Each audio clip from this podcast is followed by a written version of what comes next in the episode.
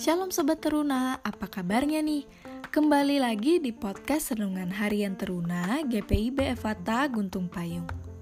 Pada hari ini kita akan kembali untuk merenungkan firman Tuhan yang terambil dari Roma pasal 8 ayat 1 hingga 8 dengan tema Diampuni untuk hidup baru.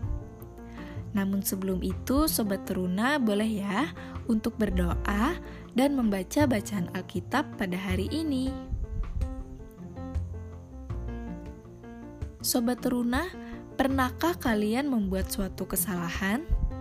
Contohnya seperti salah memakai seragam saat sekolah atau acara-acara tertentu, terlambat masuk Zoom pada saat kelas dimulai, atau kurang konsen saat ditanya oleh guru sehingga jawabannya ngawur.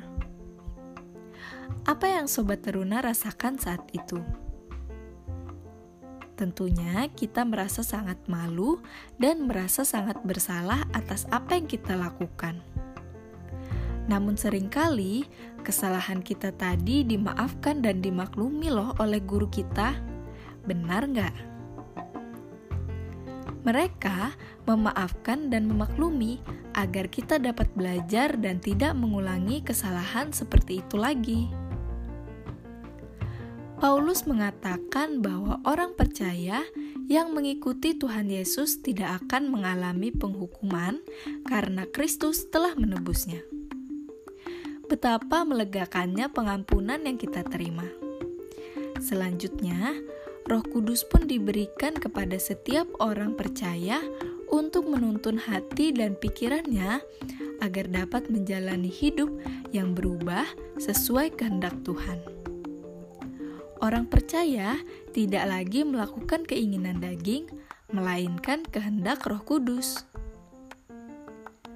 Mungkin kita pernah mengalami kelegaan dimaafkan atas suatu kesalahan.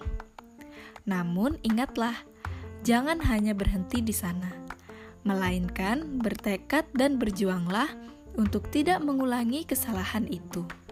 Lalu, bersungguh-sungguhlah untuk berubah dan menjadi pribadi yang lebih baik. Tuhan Yesus memberkati.